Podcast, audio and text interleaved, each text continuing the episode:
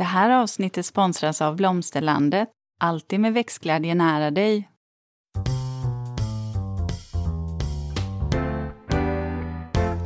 Välkommen till Ulrika och Lindas trädgårdspodd.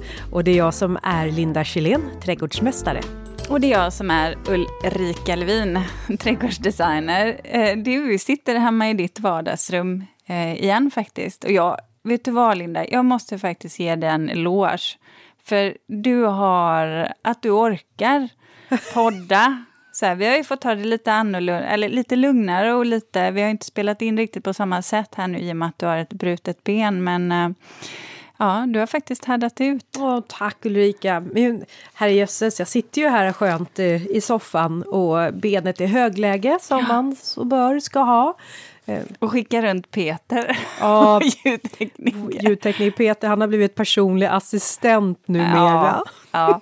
Nej, han har faktiskt varit till väldigt stor hjälp. Ja, det, han, det, det, är du alltid, Peter. Ja. ja. Mm. Mm. Du, Linda. Eh, vi ska faktiskt ha en följetong här nu. Eh, precis som vi hade förra året när vi pratade stil. Så ska vi i år prata om olika trädgårdstyper. Eh, och eh, idag så ska vi faktiskt prata om eh, radhusträdgården och kustträdgården. Eh, för det här tror jag eh, kommer vara intressant att höra utifrån mitt perspektiv som trädgårdsdesigner och ditt som, som trädgårdsmästare. Alltså och jag, våra egna erfarenheter Jag tänkte också. säga det, för jag är ju uppvuxen i en radhusträdgård och vi har ju landställe ute i en kustträdgård. Precis, men innan vi går, går vidare i ämnet för dagen, eh, vad, vad har du gjort? eh, alltså jag känner ju att jag bara upprepar. Det var precis som här i december och november när vi poddade. Då var det bara att jag stod bara i växthuset och, eh, och, och julgrupper. Nej, men jag fortsätter här inför våran flytt och eh, håller på och, och packar och eh, ja, samlar ihop vårat liv här i Sundbyberg i vårat hus. Det är liksom det är det jag håller på med om dagarna. Ja. Ett långsamt farväl. Det är ju vemodigt det här. Oh, vem, vem är det som sjunger? Eh, det är Lisa Nilsson. Ja, ja. så är det. Långsamt farväl. Ja. Jag kan inte ljuga för dig. Du känner mig allt för väl. Mm. Jag, okay. jag, kommer inte stämma in. Nähä, eh, Dua-kören? Nej, nej. Eh, vi ska bespara lyssnarna ja. Eh, det men det, ja, nej, men så att det ja. är faktiskt vad jag fortfarande håller på med. Det är, det är så svårt att, att göra det snabbt för man stannar ju upp i, i saker man hittar och så liksom svävar man iväg i minnen. Så Sen att, har ju inte du Peter här hela veckan heller. Äh. Så att det är dumt. Jag har sagt till honom att jag, jag tycker inte om att Peter åker tillbaka till Dalarna. Nej, Nej, det, Nej. det är illa. Ja, det är illa. illa, illa. Ja. Du, får, du får skaffa honom ett litet hus på Åsbygård och så ja. kanske du kan ha en permanent ja, hustomte. Där sa du någonting. Ja. ja. Mm. Det mm. låter som någonting. Ja, du Peter assisterar ju även min man med eh, allehanda. Ja, du hjälper ju till med då. Ja, fixa eller trixa liksom. Och, och, det här låter som, jag vill bara säga det till lyssnare, som att om, om nu någon tror att vi raljerar över Peter, verkligen inte. Han är fantastisk, det tycker vi båda. Ja, mm. det, så är det. Mm. Eh, klippan. Ja, verkligen. En stor del av eh, anledningen till att vår podd eh, faktiskt också blir gjord. Mm. mm. Att den kommer ut. Ja. Vet du vad jag har gjort då? Nej, berätta! Jag har gjort typ samma sak som jag gjort de senaste veckorna. Jag... Du sitter med ritningar? Ja, jag gör det. Mm. Eh, jag har betat av många eh, jobb som behövde vara klara och så påbörjar jag eh, nya jobb. jag är ju väldigt uppbokad i år igen faktiskt. Ja, men jag vet att du har sagt att nu börjar du säga nej och du håller fast vid ditt nej. Uh, ja, och så säger man det i, i, i liksom ute i eten. Det är klart, ni får alltid kontakta mig. Men jag, så här, jag kände så här att jag behöver ha en lite bättre balans än vad jag har haft. ja, men lite som du sa, det här någonting nytt. Alltså det måste finnas rum ja, för du för säger ju inte nej för alltid, du säger nej under den här perioden. Jag, det är väl snarare jag är väldigt så här, uppbokad. Jag har fått ja, väldigt många uppdrag. Man får planera in. Vet man att ja. man vill ha en trädgård ritad av uh, Ulrika Levin, då får man ju boka upp det. kanske inte blir först till hösten eller våren. Alla, alla har ju inte varit ute i så god tid och bokat upp Ulrika Levin som jag har gjort. Nej, du kom in där. Ja, Verkligen jag i... in gjorde jag. Verkligen i... Ja, ja okej, okay. där fylldes det, det, det lilla hålet. Sista så, minuten. Ja. Ja. ja, så här. Jag tycker det är jätteroligt. När ska vi börja med Åsbygård då? Jag tänker så här att det vore bra om du kunde åka bil och inte hoppa runt på kryckor när det är glashalt ute. Så, så tänker jag. Ja, det är bra för jag broddar på allt. Ja, men sluta. Ja. ja. Ingenting stoppar mig. Jo, det, det är det faktiskt. Om inte annat så gör jag det. Eh, så att jag tänker så här att vi ska se till så att eh, det inte sker någon ytterligare olycka. Nej, Men sen, sen, så ska vi absolut ut och, och titta på ägarna. Mm. Så jag ska hitta var jag ska bo hos dig sen. Ja, precis. Mm. För det ska ju du också göra. Jag vill att alla ska bo kring mig på Åsbygård. Jag tycker det, det, det märks ja. att du verkligen vill få med dig ja. lite folk. Jag förstår att det, det är ju skillnad att gå från att bo i storstan till ja. att bo på landet. Ja. Ja, det är det verkligen. Jag tror det också. Det här blir ju så spännande, så det är kul. Eh, ja, eh, får jag tipsa om att jag har ju ett, eh, ett Instagramkonto som heter Åsbygård. Ja, men det tycker jag att du får. får det? Ja, ja, det är klart. Det, får det är klart väl. att du får. Så att, det är ju roligt att följa också. Ja, men det är det. Så där kan ni gå in och titta, ja. klicka in och följa Åsbygård. Från mm. villaliv till gårdsliv. Ja, så är det ju. Du, Linda. Det här med att börja med en radhusträdgård. Mm. Eh, jag... Den stora frågan som jag har när det gäller radhusträdgård ja. det är hur undviker man att slutresultatet eh, inte känns trångt och plottrigt? Ja, och Den opersonligt frågan. tänker mm. jag. För att alla, många ser ju likadana ut. Ja, exakt. Men, så de frågor, det där tänker mm. jag att vi mm. kanske kan få svar på under det här avsnittet. Och hur man kan nyttja de här ytorna. För om vi ska definiera en radhusträdgård, bara kort sätta en inramning, eh, så är ju en radhusträdgård eh, någonting där man oftast har, där tomten är uppdelad. Man har en framsida och man har en baksida. Sen beror det lite på Eh, när i tiden den här radhusträdgården är gjord? Är det som på 70-talet? som Du växte väl också upp i ett radhusområde? Ja, 72 var vårt ja. radhus byggt.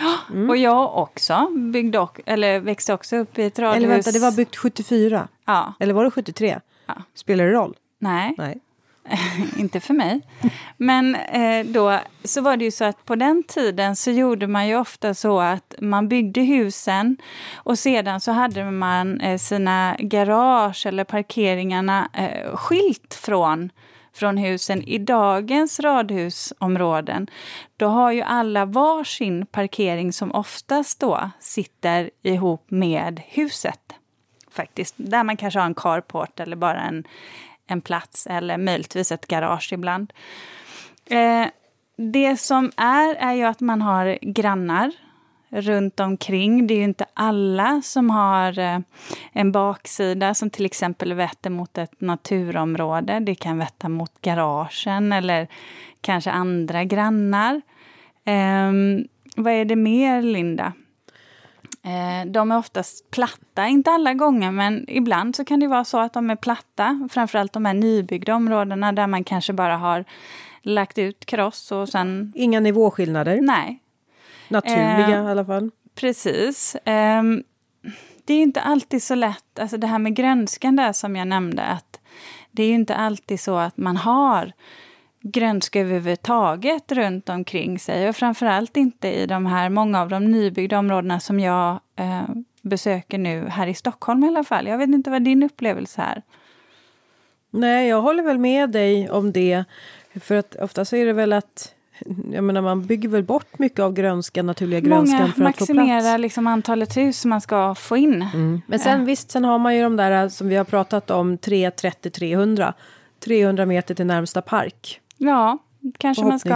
Mm. Och då ska vi se hur man kan få in de där tre träden och 30 till minst 30 procent bladmassa på en radhustomt. Det blir spännande, Linda. Den blir spännande. Det ska vi se hur vi ska lösa. Ja. Men, men i alla fall, det är en inramning och jag håller ju på nu med ett projekt eh, ute, på, eh, ute i Djursholm där jag ska rita, rita utemiljön egentligen till eh, ett radhusområde som byggdes på 70-talet. Det är 42 fastigheter, så det, det är mer landskapsplanering då som vi pratar om.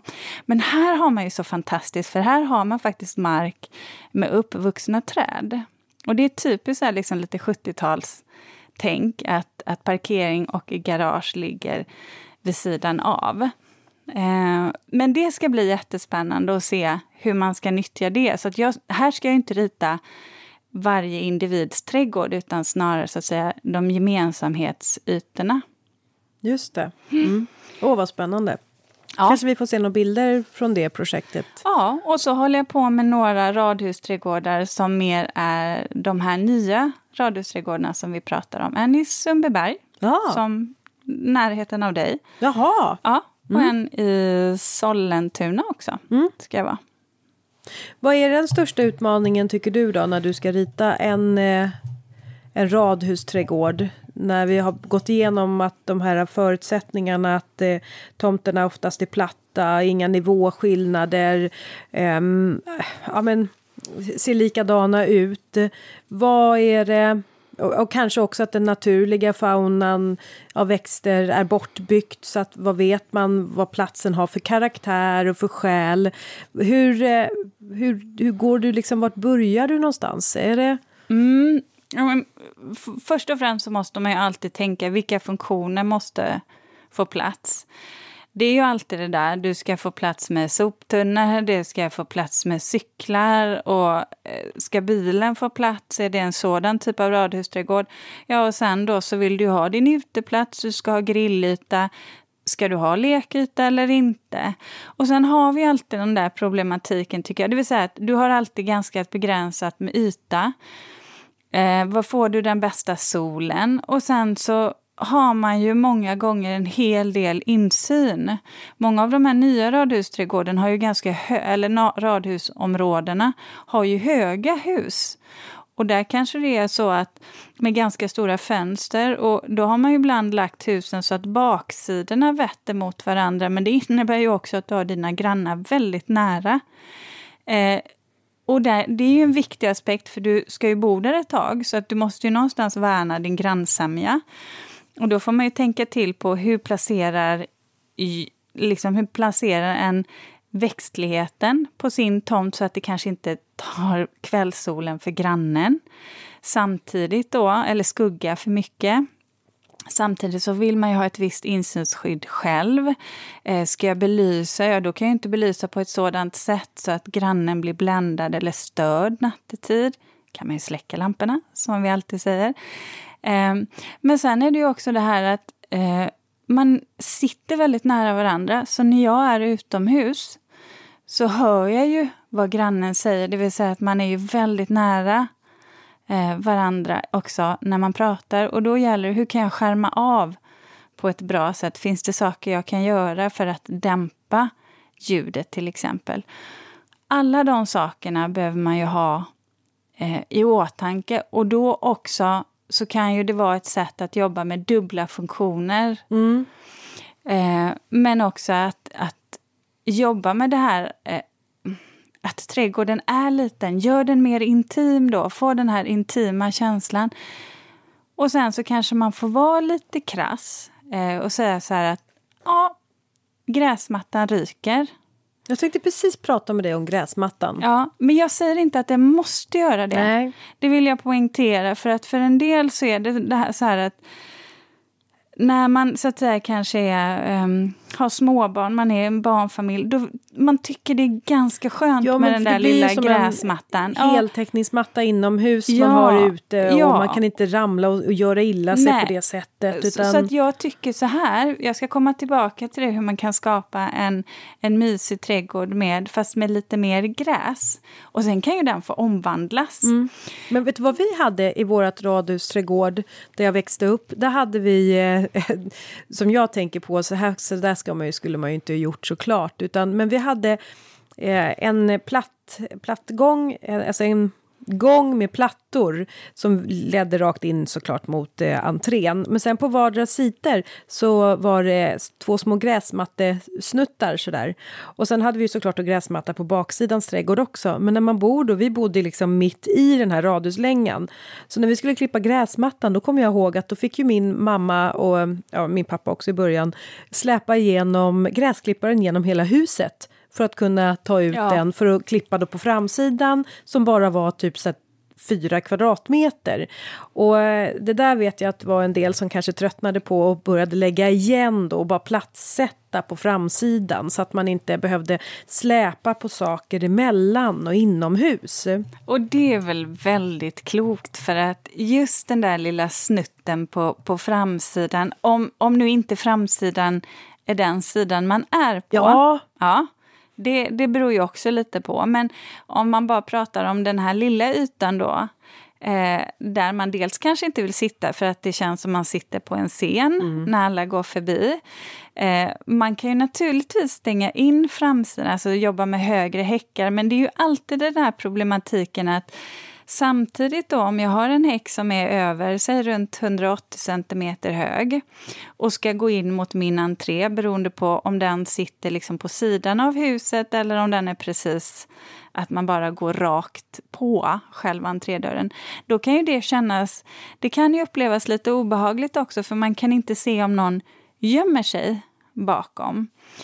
Eh, så då kan man ju liksom fundera lite på att om nu man har en sån här liten framsida och det kanske är vid entrén, men nyttja den till att göra den så, bara, alltså så snygg som det bara går. Mm. Så, verkligen, och snygg året om du kan gärna använda växtlighet, du kan gärna använda något som är liksom lite formklippt eller med höstfärg, något som är skulpturalt eller eh, något som har vackra stammar, en flerstammig buske. Och då kanske man också kan göra så att man skyddar från lite insynsskydd också. Faktiskt, för sen får man ju tänka på att en häck kan jag tycka oftast är bra att ha mot gatan, för då får man ändå någonting eh, som är som en barriär.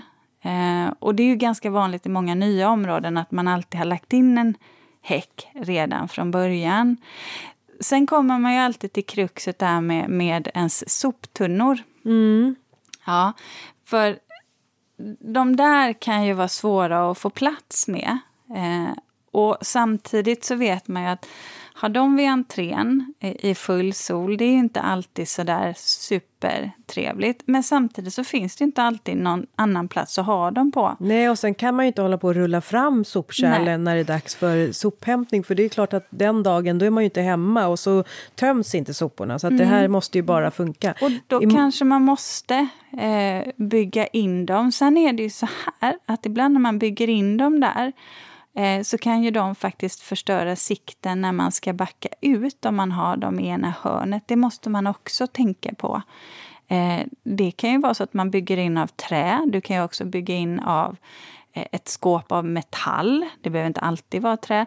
Men man kan ju också göra som ett litet skärmtak över det med klätterväxter.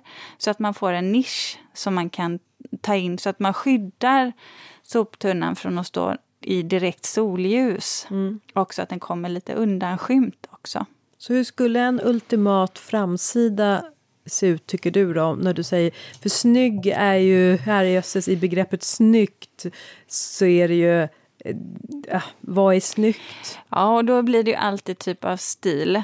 Vad Men tycker man om för stil? Ska, ska vi prata om att man kanske lägger liksom plattsätter framsidan? Så att jag man slipper ja, det här med gräsmattan? Jag om tycker det bara man kan hoppa passage. gräsmattan kanske. Eh, och stenläggning absolut, men jag tycker inte... Man behöver inte ha mer stenläggning än vad man egentligen har behov för. Behöver du inte gå på ytan, ja men strunta i att lägga sten. Pratar vi perennarabatt då Hellre istället? perenner, mm. buskar, något som är grönt. Du kan göra små, om du har plattlagd stenyta, kanske vid din entré där du ska gå, eller trä. Då kanske man väljer att lägga ett annat material med grus. Du kanske har något litet vattenbad. Alltså mer jobba utifrån det perspektivet. Du kanske till och med har en liten sittbänk men det kanske är mer för syns skull. Det inbjudande. Ja, ja, alltid välkomnande och att man ser och att man tycker att det är Ljuslyktor. Enk enkelt att komma till eh, entrén faktiskt. Mm. Mm, ja. Men om man går... Eh, Genom huset och kommer till baksidan? Ja, ja, där är det ju spännande. Ja, där är det ju spännande. Trots att det är en, en liten yta. Jag, jag har hört att eh, en liten yta ska man tänka stort på.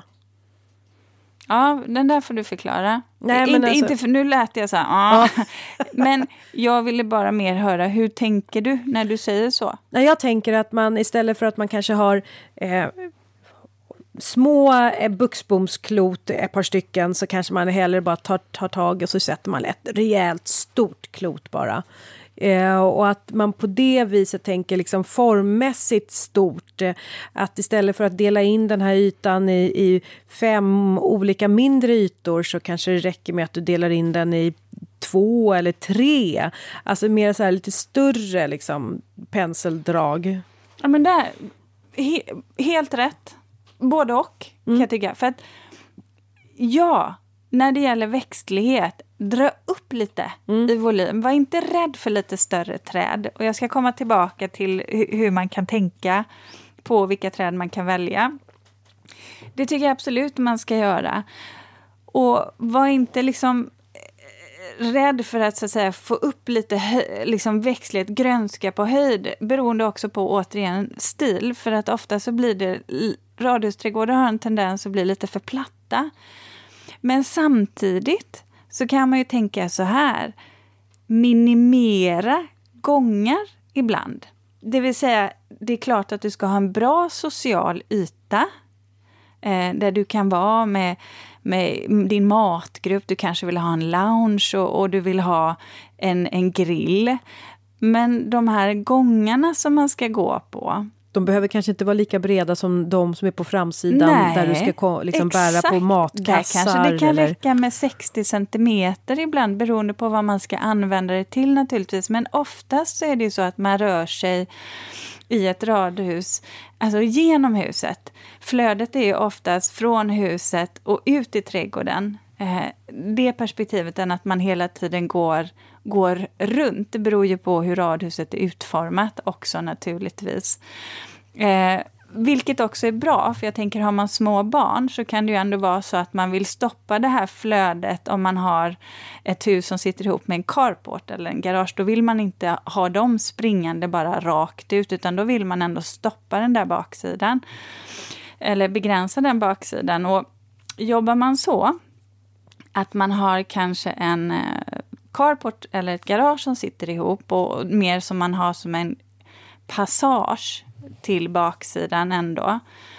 Ja, men där kan man göra så att man kan dra ner den passagen till ett minimum så att man nästan, du vet, går igenom som en portal. Och sen så öppnar trädgården upp sig. Mm. Så då kan man, du vet, dra ner gången ah. så att den blir smal. Du kanske har husväggar på båda sidor. Du kanske jobbar sen så att säga med spaljéer som får klätt, med klätterväxter som får klättra på ömse sidor om portalen sen. Så om, omhuldande om, eller omslutande? Du, det, blir, det kommer vara lite tajt. Det är som det den här granskogen man går i ja. och så öppnas det upp till gläntan. Och så öppnas det upp och så blir det ljust. Eh, och det beror ju lite på återigen hur det ser ut. Nu tar vi ju eh, eh, utifrån om man har en carport eller en, en parkeringsyta under tak och man kan passera den ut till sin trädgård.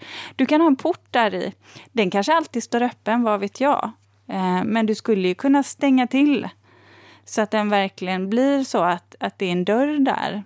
Helt stängd eller genomsiktlig. Men tänker du nu att det här är ett gavelradhus? Nej, utan nu tänker jag att du har ett radhus där du sedan på sidan har din parkeringsplats. Ja. Och då löper ju den oftast okay.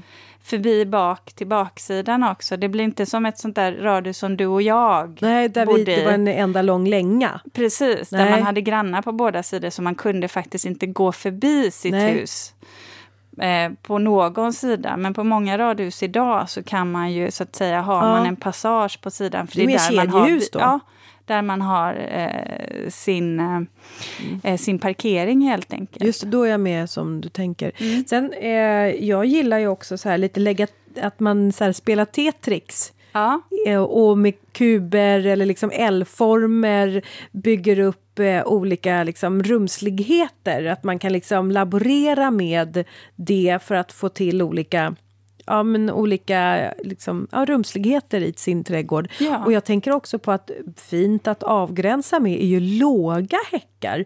En häck behöver ju inte vara två meter jämt. Det kan ju räcka med att den bara är en halv meter eller 30 centimeter nästan. Mm. Men är åtminstone kanske en meter. Då. Jo, men det, och det här, är ju, det här är också en bra sak att tänka på. För vad vill jag ha mitt insynsskydd? Alltså från vinkel, vilken vinkel? Ja. Har jag en gångstig utanför, ja då kan jag ju dra upp en 180 centimeter häck liksom längst i tomtgräns. Jag är hemma sen. Det är det som behövs. Har jag höga hus bakom, där då grannarna, när de är på övervåningen, ja då räcker det ju inte med en hög häck. För när de är på övervåningen så ser de direkt ner till mig där jag sitter vid min uteplats. Och då kan man ju fundera så här. Då kan jag ju antingen dra upp en liten högre häck precis vid min uteplats, men samtidigt får ju inte solen skuggas. Men man kan ju också tänka sig så att man drar upp en högre häck där eh, och en liten högre häck längre bort också. Och sedan så öppnar man upp som ett fönster i häcken ut mot trädgården. Så man ändå får... För då kommer grannens perspektiv... De kommer vara så högt ovanifrån. Mm. Så de kommer, så att säga, deras siktlinje kommer störas av överkanten av häcken. De kommer aldrig kunna se igenom det här fönstret som du sen har klippt upp Nej, i häcken. Och så har man dessutom kanske ett parasoll. Exakt. Mm. Då har du löst det där mm. problemet. Men det är ju alltid det där att försöka få in, alltså få insynsskydd men få utblick i din egen trädgård. Mm. Um, sen kan jag tycka också att, att jobba med formklippta träd kan ju vara väldigt effektivt i, i ytterkant också. Du vet ju avenbok är ju till exempel något som vi alltid pratar om som häckväxt, ja. men det kan du ju faktiskt också stamma upp och jobba med som träd så att du skulle kunna ha som ja, vad ska man säga, klippta rektanglar på ja, högstam. Ja, så, mm. så det, ja, det skulle du kunna jobba med och du skulle också kunna göra så med... Som kortlekar? Ja, eh, alltså pelarnavellönnen, green column, är ju också jättefin att jobba med på det sättet. Att man så att säga får, får väldigt smala träd. Och, ju, det är nästan som man använder dem också som blockeringar för då, som precis, stora skyltar nästan som man precis, sätter upp. Precis.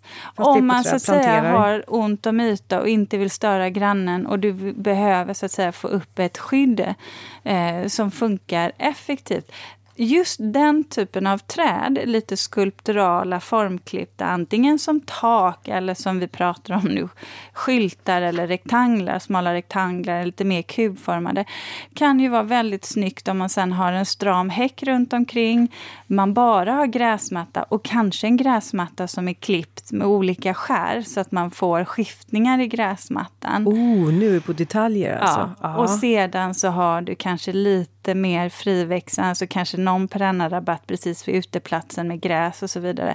Det är ett sätt att få att få trädgården att kännas mer trädgård fast du behåller en stor del av din gräsmatta och du får ändå insynsskydd eh, och eh, det blir lite mer privat. Mm.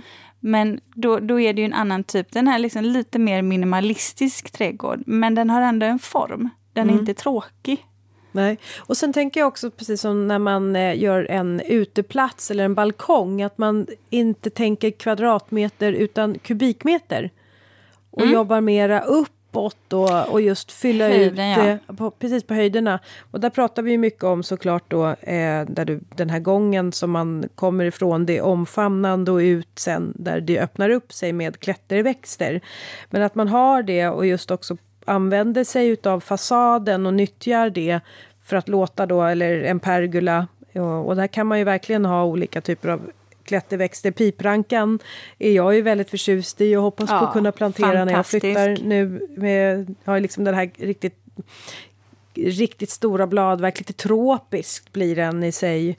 Eh, men också staketvindruvor tänker jag också på. Mm. Eh, speciellt om man eh, ska ha en multifunktion, att man vill ha två allt, funktioner. Allt du, kan, allt du kan bygga på höjden och som kan vara ganska smalt, mm. som och så avenbok, kan du idegran. Ja. Eh, ja, ja, klätterväxter. Ja. Någonting jag gillar i små trädgårdar det är ju faktiskt det här lura ögat, det vill ja. säga spegeleffekter att sätta upp en spegel. Säg att du har då, eh, som nu kan jag bara hänvisa till mitt radhus där vi hade garaget som bad och hörde till eh, radhuslängan.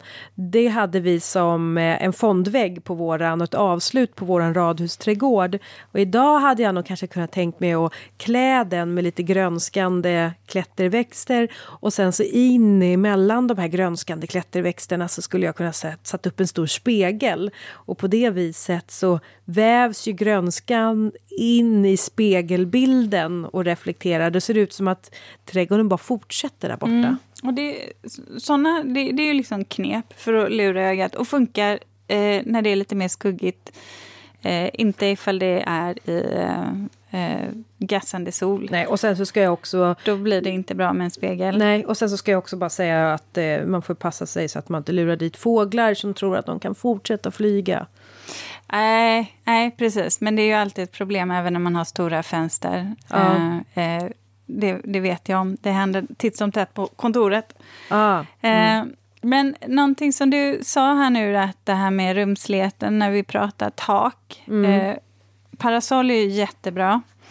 Eh, det man kan göra är ju faktiskt också det att tänka så här att ett, en pergola eller ska man säga ett växttak behöver ju faktiskt inte gå över hela eh, uteplatsen. Ibland kan det vara så att man bara vill skugga en del. Eh, eller man vill skugga det på lunch men man vill ha sol på kvällen. Då kan det ju vara så att man gör som en vägg, du tänker en spalé som ett vägg, en vägg och sen så övergår den i tak så att det blir som ett upp och nervänt L. Mm. Men och då så att säga är den här det här själva basen, alltså det, det som nu då är upp och nervänt, det upp och nervända ället. Den här delen kanske bara sticker ut en meter eller en och en halv så att man får ett litet raster av skugga ner på den ytan, men att solen sen kan passera förbi och solbelysa eh, resten av ytan. Så kan man ju göra med en gång också till exempel. Man behöver inte alltid ha stolpar eh, på motsatt sida eller göra som en pergola så att man blir helt instängd utan man kan också jobba med taken lite mer dynamiskt. Det beror ju lite på vilket material du använder. Har du stål till exempel så har ju det en väldigt alltså bra bärighet. bärighet ja. mm. Och behöver inte vara stöttande. Det är ett jättebra knep att jobba med och, och jobba med att kanske inte bara tänka trä i utan kanske också jobba med stål, jobba med vajrar, alltså lite andra typer av material där man kan bygga lite smäckrare eh, konstruktioner eh, som, som ändå klarar lite tyngd eller som kan stå fast. Eh, det kan jag tycka är bra. Det kan också lyfta ett lite modernare eh, hus också. Mm. Linda, visst är vi stolta över att ha en sponsor till dagens avsnitt? Ja, och det är Blomsterlandet. En trädgårdsbutik nära dig med butiker över hela landet och en e-handel som är öppen dygnet runt. Välkommen! Mm. Eh, men den där baksidan då? Skulle du säga så här Att dela upp den i rumslighet, pratar vi då att man kan... Är det tre rum man delar upp den i eller uh, är det... Ja, det där vad? tycker jag är svårt för det beror ju på vad man vill ha. Man kan dela upp det i rum Ja. Så att, ing, att man får gå in i olika delar och då kan man välja genom att jobba då med höjd. Ska man se allting eller ska det vara ett hörn som man får passera? Eller ska det vara så att man egentligen jobbar ganska... Det vill säga att egentligen hela trädgården är synlig. Ja. I alla fall när man står upp, kanske inte nödvändigtvis när man sitter ner. Men att du har din inramning i, i ytterkant istället. Mm. Eh, men att du ändå har rumslighet utifrån, uppdelat utifrån funktion. Och någonting som jag tänker på det är uteplatsen. Ja. För så här är det ju att eh, här, om vi pratar om en plantomt, här vet jag att du och jag har, har tyckt olika tidigare. Eh, jag vet att du nämnde att eh, du gärna skulle vilja jobba dig uppåt någon gång ifall du har en helt platt tomt. Men på det kan faktiskt vara så att på en liten radhustomt eh, där man har grannar överallt så kan det vara bra att så att säga sänka ner. Ja, jobba sig ner. Ja, och då pratar vi inte om att det ska bli en bunker. Jag pratar om kanske mellan ja, 15, 2, 3 steg, ja max 45 centimeter ner. Och det är oftast där man får vara utan att eh, markförändring blir bygglovspliktigt. Det här får man kolla upp på sin, hos sin kommun. Man brukar prata 50 centimeter, men det är faktiskt olika från kommun till kommun.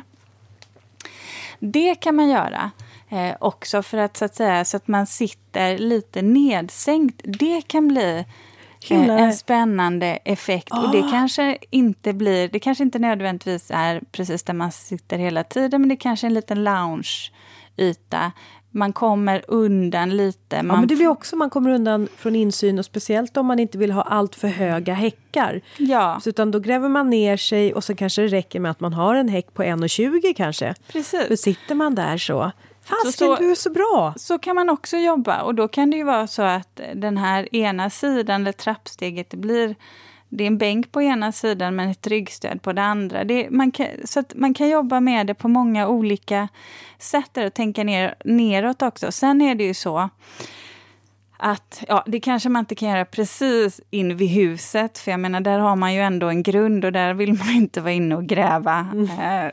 eh, så att marken sätter sig vid huset. Och det här är ju också en av en problematik för en radhusträdgård i nybyggda områden. Ofta så har man ju bara, dra, man har ju bara liksom manglat på med kross och bärlager.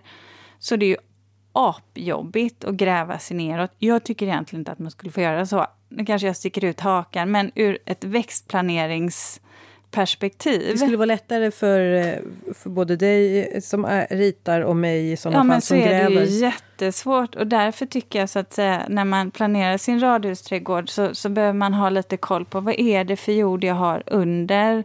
Och om jag nu ska ta in en grävare så, så behöver man ju så att säga kanske tänka Gör det en gång. Tänk till liksom kring de stora penseldragen tidigt. Och så planera utifrån det. För att det är så svårt att få saker och ting att ta sig på ett bra sätt om du inte har rätt förutsättningar i jorden. Faktiskt. Mm. Sen, ja. Jag känner att jag pratar jättemycket. Ja, men det, det, finns ganska mycket att prata om när det gäller just eh, radhusträdgårdar. Mm. Jag tycker också att vi kan tipsa om att eh, vill man få mycket inspiration så tycker jag att man kan också titta på radhusträdgårdar i eh, England. Ja. De är ju verkligen experter på att eh, skapa eh, spännande design på de här långsmala eh, ytorna. Det är de ju. Mm. Sen är det ju så här, det som är fördelen, en del kanske tycker att det här också är en nackdel, men det som är fördelen med England det är ju att där är det ju nästan så här att Ja, det är klart att man ska avskärma sin trädgård, så att man har ju oftast höga väggar kring alla ytor. I, I, Sverige så är ju det där lite känsligt. Eh, många gånger så, så får man inte sätta plank hur som helst. Och, eh, men därav kan jag tycka då att just att gröna växter är väldigt bra att jobba med. Eh, för då kan man ändå få upp höjden eh, utan att det blir eh, eh, diskussioner kring bygglov. Mm. En eh. grön och sen en väldigt eh, fin grön bas. Mm. Det är ju alltid funkia, buxbomsklot, ormbunkar, hasselört. Eh, och sen så gillar jag också de här mindre träden. Och det vet jag att du också tycker om. Men alltså prydnadskörsbär, prydnadsäpple, och då Everest, ja, Ginnalalönen. Ja, en, en, ett träd som är väldigt fint om vi pratar ett eh, prydnadskörsbär, det, det är Umineko som jag jobbar mycket med. När det, Umineko. Umineko. Umineko. Låter som någon eh, sushirätt eller någon... Eh... Ja, men det, det, här är zon 2, möjligtvis zon 3 om det är skyddat läge. Då. Det här är ett jättebra eh, vackert träd, litet körsbärsträd för, för små ytor när man har ont om yta. Ett annat träd som jag brukar jobba med där man har zoner som är lite mer eh, krävande, det är ju pärlhagtornen. Ah. Toba. Ja. Den är faktiskt jättefin. Den går ända upp till zon 6. Oh. Eh, och den drabbas inte heller av hagtornsrost. Så att det, det trädet Friskt skulle jag... dessutom. Och blanka gröna blad. Fin blomning och få lite sådär brun, eh, röd mm. höstfärg. Så det kan jag tycka är ett träd. Och det går ju också att beskära. Så att jag kan tycka att det är ett bra träd. Eh, också för en sån här liten, liten yta. Jättebra faktiskt. Och nu säger jag det i Norrland, för det är det jag menar. Det, det är ett bra träd eh, där mm. uppe. Mm. Eh, men sen så tänkte jag på det här, en sak som innan vi går över till Kustträdgården som man ska tänka på när det gäller eh, uteplatsen där. Om man nu till exempel har en uteplats eh, där man vill få plats med både lounge och eh, matgrupp. Ett jätteenkelt sätt att dela på det här eh, är att sätta krukor som avskiljare. Och det kan vara en kruka med en häck i, det kan vara kruka med gräs, men det kan också vara lite högre krukor. Och säg högre krukor som kanske är så här, du vet som ryggstödet på, på en soffa. Och sedan så stoppar du i några klot där i. Och så kanske du sätter fem såna på en rad. Och då kan du ha matgruppen, då är det som en liten vägg. Då kan du ha matgruppen på ena sidan och så på den andra sidan då så kan du ställa soffan eh, mot det här den här så att säga, raden med grönska.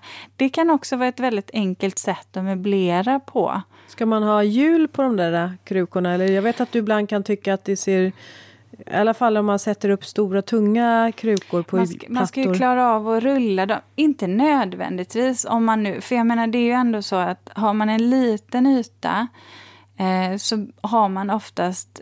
Man får anpassa, man får vara ganska noggrann med hur, vilka möbler man köper så att de passar för ytan och de ändamål man har. För det är sällan man flyttar runt dem.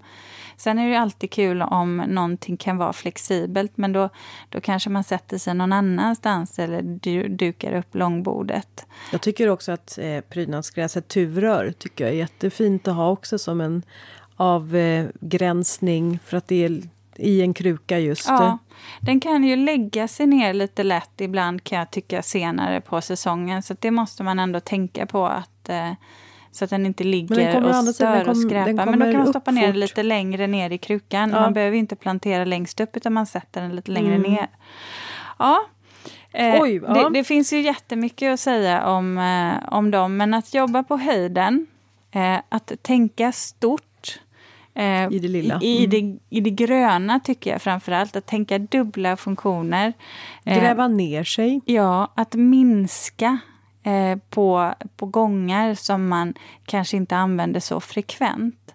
Eh, då kan man också få in lite mer eh, av det gröna, vare sig det är gräsmatta eller grönska. Och vara lite noggrann i vilka växter man väljer, så att man har kvaliteter året om eftersom man också ser trädgården i princip eh, i alla perspektiv från ett radhus. Eh, mm. mm. Kustträdgården, Linda. Åh, oh, ja! Ska, ska vi, gå in dit? In, ja, ska vi ta Blåsa iväg dit ska vi göra. Exakt. Ja, för det, om det dit. är någonting som karaktäriserar en, en kustträdgård ändå så är det väl att det är blåsigt att det och vindpinat. Eh, ja. Eh, begränsat med jordvolym, begränsat med vattentillgång. Man kan få lite salta stänk. Ja, det, det kan också vara en stor utmaning om man älskar det grönskande och lummiga. Ja, för det, det, och sen beror det ju på är vi på fastlandet? Eh, är vi på en ö? Är vi i södra Sverige? Västkust? Norrlandskusten? Eh, ja, är det permanentboende? Är det sommarboende? Eh, men just det där att det är vindpinat och att många gånger att vattentillgången är begränsad. Det är väl ändå det som jag skulle säga är är eh, De största lika. utmaningarna. Ja, och, lika, och utmaningarna. Ja, där, förutsättningarna. Du har ju erfarenhet, Linda, för ni har ju eh, ja, en del av en ö. Ja. Mm, i, i, här i eh, Stockholms skärgård. Ja, mm. Östersjön. Mm. Mm. Eh, jo, tack. Jag... Ehm, eh, om man ska odla på en eh, bergsknalle då måste man vara fylld av eh, entusiasm och ehm, ja, men lite så här man måste eh, vilja mer än vad platsen tillåter. Och sen måste man också ha tålamod. För eh, det är väldigt lite som kommer gratis om man vill skapa sig en lummig grönskande trädgård. I alla fall ute på våran bergsknalle. Och så behöver man ha ganska starka muskler för att man får konka och man får bära i och ur båt och eh, upp i skottkärra. Alltså det är eh, krävande att, ha, att anlägga en trädgård på en ö. Men om man tänker så här vid, vid en kustträdgård, behöver man alltid ha så mycket trädgård tycker du? För ja, men, jag vet ja. vad jag känner som designer. Ibland så kan jag ju också tycka att eh, vin är så fantastisk så att jag bara wow, mm. jo, här men, behöver den inte göra någonting. Nej, för min del var det ju så här att eh, jag mitt trädgårdsintresse började vakna till liv när vi byggde vårt vår stuga där ute på ön. Och i och med det så ville jag ju såklart börja odla. För det var den plan. Vi bodde i lägenhet eh, annars eh, då inne i stan. Så att jag ville ju börja odla. Och där var kanske inte de bästa förutsättningarna för en som har kommit igång i ett stort trädgårdsintresse. För att det var inte så lätt att sätta spaden i marken kan man väl lugnt nej, säga. Alltså nej. verkligen eh, eh, bokstavligt talat. Så att det är väl egentligen, men nu när det har gått nästan 20 år och jag har en trädgård som jag faktiskt kan odla och gräva och, och liksom plantera i så har jag taggat ner trädgården. Alltså jag har, jag har liksom trädgården ute på landet. Den inte, jag har inte trädgården där för att jag ska skapa en stor prunkande trädgård utan jag har mera låtit faktiskt naturen ta tillbaks eh, den, eh, alltså den naturliga trädgården och upp, uppskattar den naturliga trädgården snarare än den anlagda trädgården. Mm. Men det handlar ju om att jag själv mitt behov av att pyssla med trädgård och, och växter får jag någon annanstans därför att det behovet kan inte jag fylla ute på landet därför att det, var, det är alldeles för tungrot. Ja, ja, ja, just det där med ut på öarna, det har jag ju haft eh, många projekt där, eh, skärbro, eller skärgårdsprojekt där det, det är ju verkligen speciellt. Um, men det jag kan tycka är ganska viktigt då, det är ju att man man kan tänka till kring befintlig växtlighet. Kan jag nyttja en del av växtligheten som redan finns där? Det finns ju skrevor, det kanske finns enar, det kanske finns några vindpinade tallar. Och jag ska De... säga att nu när jag har tagit ett steg tillbaks och mera använder mig av, precis som du säger, den, den naturliga faunan som är, så tycker jag att trädgården harmoniserar in med omgivningen och med huset. Alltså, vi har fått, det har blivit en mera lugn trädgård. Jag själv behöver inte jobba ihjäl mig och jag tycker faktiskt att trädgården passar så mycket finare in. Mm. Och där kan det ju vara så att man då jobbar med den naturliga växtligheten. Man kanske kan fylla på ännu lite mer jord där. Det kanske finns en hålighet så att man kan skapa en läplantering. Ehm, det kanske är så att man eh, får jobba med, om man inte har naturliga skrevor, kanske man får jobba uppåt. Oftast är det ju ganska bergigt och då kanske man får helt enkelt jobba uppåt med sten så att man kan skapa bäddar där. Men det som är vackrast just när man jobbar med klipphällar och sådär, det är ju faktiskt att försöka få det att se så naturligt som det bara går. Och att man då använder material som får det här att liva. Sen vet jag att jag gjorde ett jobb på Orust och äh, magiskt ställe Eh, det var ju helt ljuvligt eh, med klipphällar och i solnedgång. Och här är det ju ändå en permanentvilla, ett stort hus och det finns växthus och allting. Men, men blåsten där kommer man ju inte ifrån och då gäller det ju någonstans att hitta de där läplanteringarna. Det man ska tänka på om man bara till exempel får för sig att smacka upp eh, ett plank det är ju att oftast bakom någonting som är helt tilltäppt så får man så passerar vinden över och så blir det som en vindvirvel bakom. Inte skönt att sitta där. Att försöka tänka på att sila vinden, det vill säga att jobba med i olika sektioner, att kanske börja tidigt.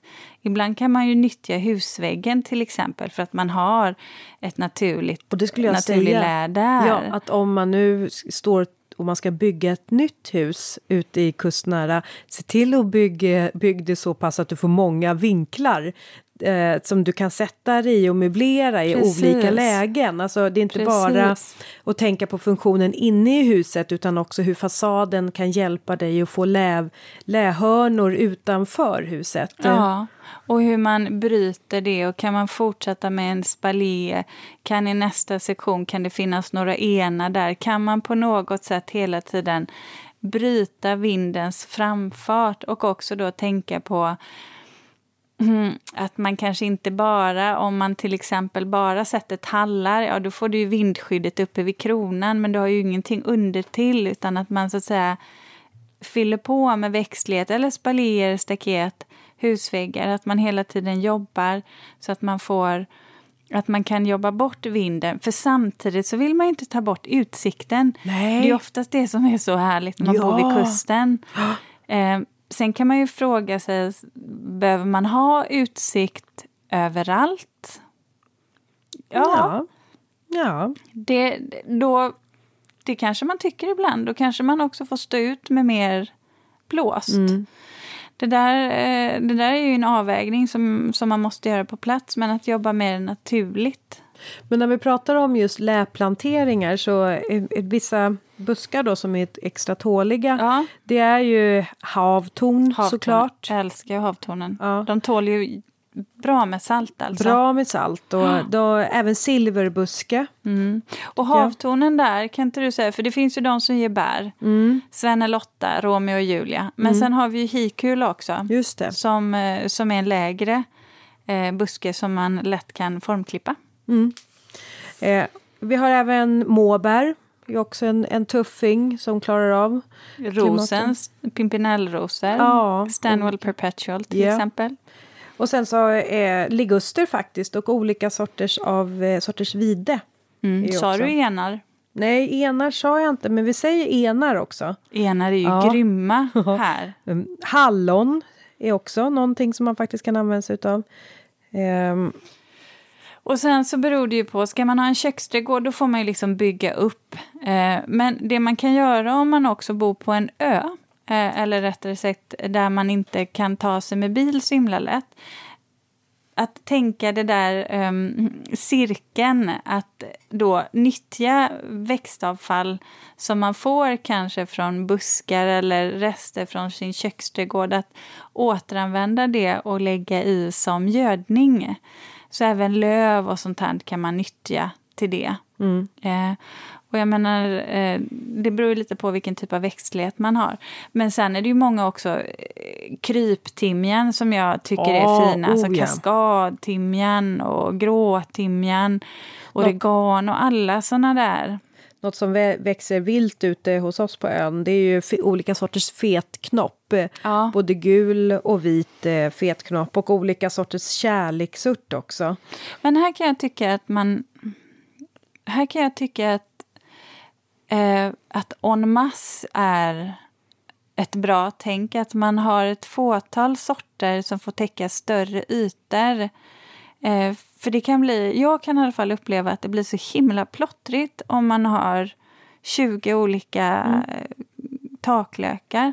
Ja men det är en gång att, precis som vi var inne på även i eh, radhusträdgården, att man hellre repeterar mm. än och får in nytt. Men Så, jag, ja. jag, det här med lä, att skapa just läplantering, och det handlar ju då också om att ett sätt också att tänka på växterna, det är ju att man har växter som är duktiga på just att sila vinden och som också följer med i vinden och inte låter sig eh, brytas av eh, Nej. vinden. Utan, och ett bra alltså ett rotsystem också som förankrar sig.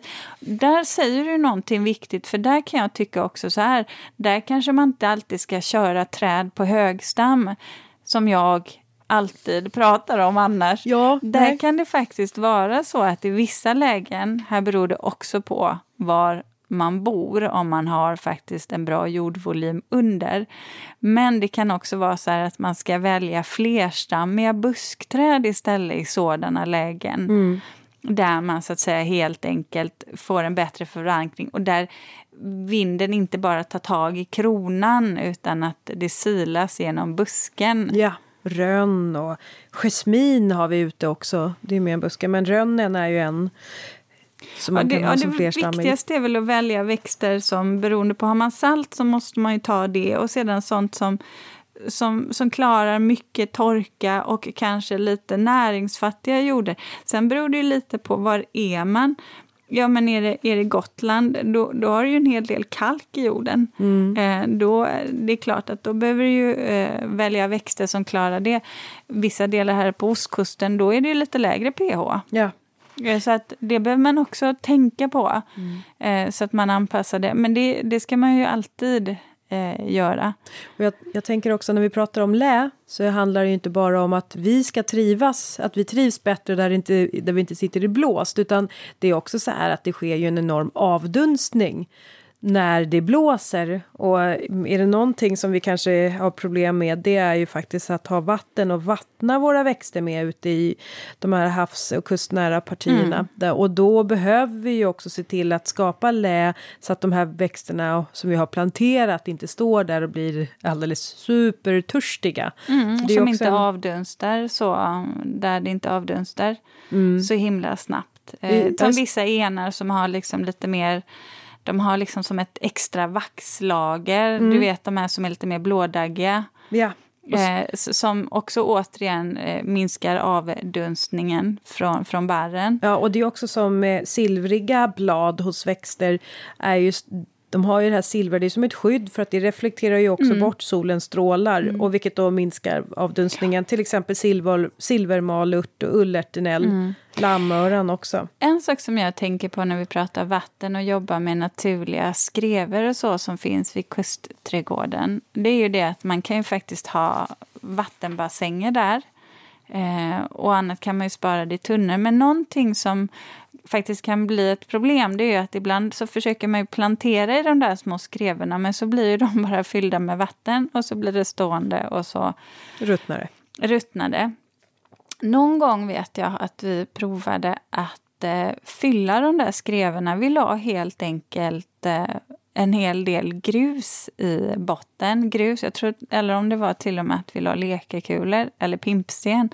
Men gjorde det, la det i botten och sen så att nästan den här, istället för att bli en grop så blev ytan nästan lite välvd. Och så mm. la vi jord ovanpå och sedan så, så planterade jag så här eh, krypande växter. Ah. Som olika typer av timjan eller um, mm. eh, sedum.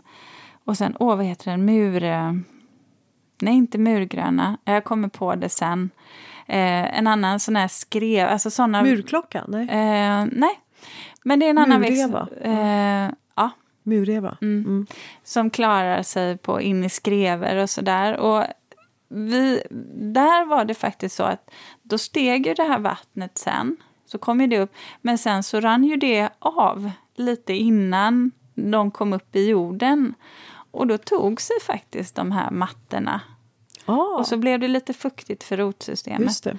Ja, för det hade jag också som ett sånt tips att mm. har man en skreva där man vill plantera någonting i, eh, vattna på ordentligt och se hur mycket vatten mm. som stannar kvar. Så man mm. vet, alltså stannar det kvar mycket vatten då behöver man göra någon sån form ja, av dräneringslösning. Så man fick, fick upp det så att det där vattnet som pressas uppåt på något sätt kan passera ut mm. och inte bli kvar där. Eller rättare sagt att växterna inte sitter i det där.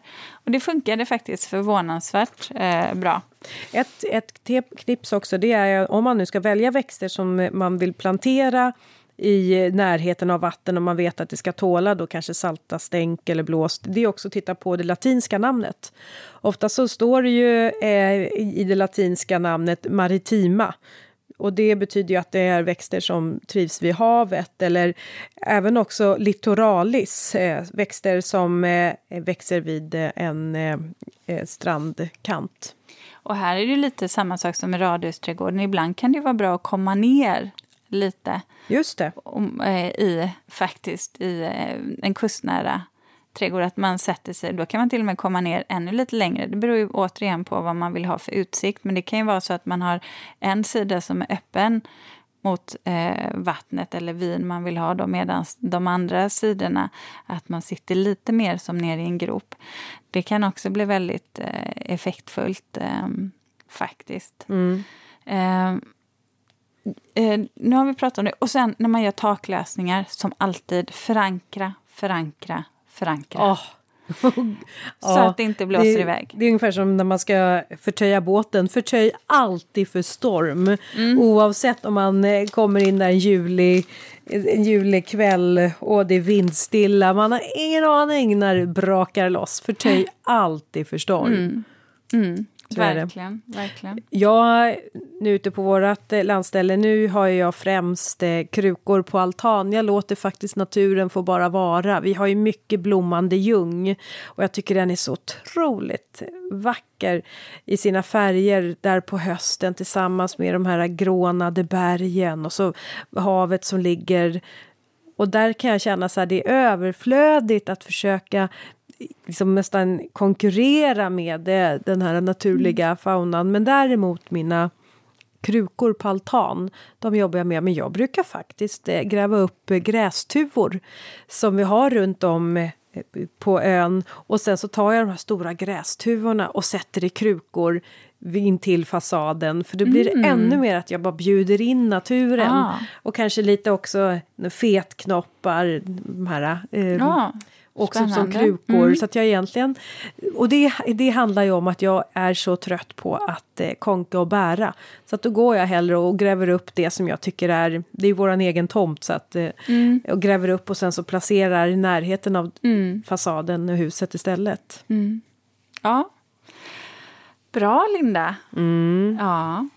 Ja, nu, eh. ja, en annan sak också, det är ju när det gäller... Du var tog sats ja, där Ja, jag tänkte ja. nu, nu ja. annars börjar vi vika ihop här. Det ska vi inte göra nu. Nej. Nej. men en sista grej, det är väl egentligen bara att jag tänker om man nu ska få ihop det, om man har en brygga till exempel, eh, och få ihop bryggan till att ledas in i en trädgård, det är ju faktiskt att förlänga hela den här bryggan så att den leds i, alltså en brygga och sen så leds den in närmare. Då som då, en spång, ja. Som en spång och mm. sen så planterar man växter kring den här bryggan Precis. ut kanterna och sen så kanske den här då leder vidare. Men att övergången blir inte liksom brygga och sen så är det trädgård utan att man, ja, man väver in och det. Och sen så har man för grop, alltså gropar, ja, då kan man återigen, man kan lägga någon platt trampsteg, eh, trampsten som ja. är trampsteg med växtlighet runt omkring. Det kan också vara ett sätt att gå.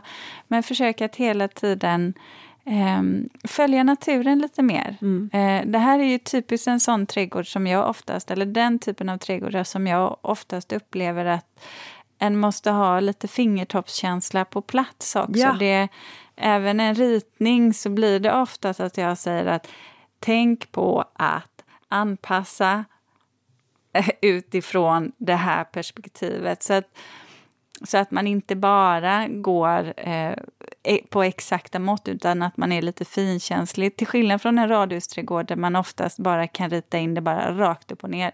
Så här ska det se ut, det ska vara exakt två meter ingenting, det finns, du behöver inte ens tänka på att det finns eh, något att anpassa efter. Men det, det är en jättestor skillnad från Kustträdgården. Mm. Men Linda, nu har vi pratat um, nästan en timme om det här. Och, får jag bara ställa en annan fråga då? Ja. ja det är martallar. Kan man, kan man köpa en martall?